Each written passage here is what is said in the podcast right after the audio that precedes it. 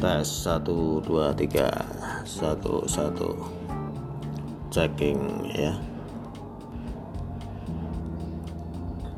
Ingat ini dua hal yang wajib dibawa peserta tes SKD CPNS 2018 oleh Fitriana Monika Sari.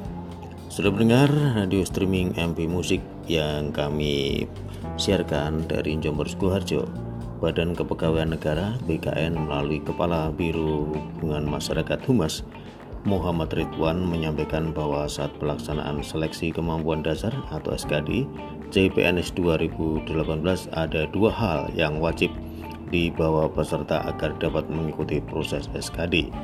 Dua hal itu yakni kartu peserta yang dapat diunduh lewat portal SSCN dan kartu tanda penduduk KTP. Tidak membawa salah satu dari item tersebut berarti tidak memenuhi persyaratan untuk mengikuti tahap SKD. Demikian dijelaskan oleh Ridwan melalui rilis seperti yang dikutip dari laman Setcap.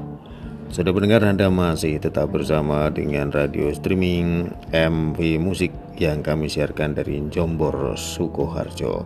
Selamat malam dan selamat istirahat.